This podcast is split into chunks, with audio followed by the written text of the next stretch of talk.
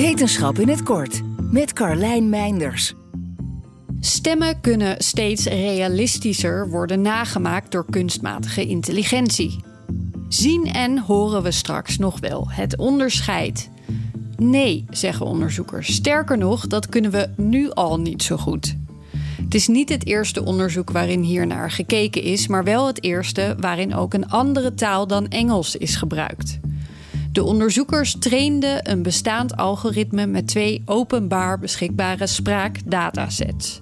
Eentje in het Engels en eentje in Mandarijn. Daarmee creëerden ze in beide talen 50 deepfake spraakvoorbeelden, die anders waren dan de voorbeelden waarmee het algoritme was getraind. Meer dan 500 proefpersonen kregen zowel kunstmatig gemaakte samples als echte spraakvoorbeelden te horen en moesten aangeven welke echt waren en welke niet. In meer dan een kwart van de gevallen lukte dat ze niet. En dat werd amper beter nadat ze tips kregen om deepfakes te herkennen.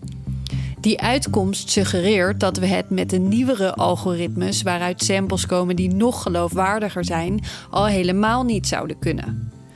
In 2019 ging het al een keer mis toen iemand bakken met geld overmaakte naar een niet bestaand bedrijf in reactie op een deepfake spraakberichtje van zijn baas.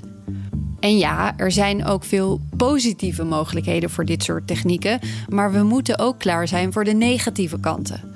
Daarom willen de onderzoekers nu proberen om de kennis uit dit onderzoek en de resultaten uit toekomstige onderzoeken te gebruiken om een systeem te ontwerpen dat automatisch herkent wanneer het om nagemaakte audio gaat en wanneer niet. En dat is eigenlijk best bizar.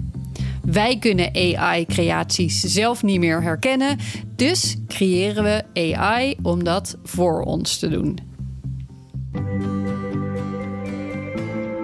Wil je elke dag een wetenschapsnieuwtje? Abonneer je dan op Wetenschap vandaag. Luister Wetenschap vandaag terug in al je favoriete podcast-apps.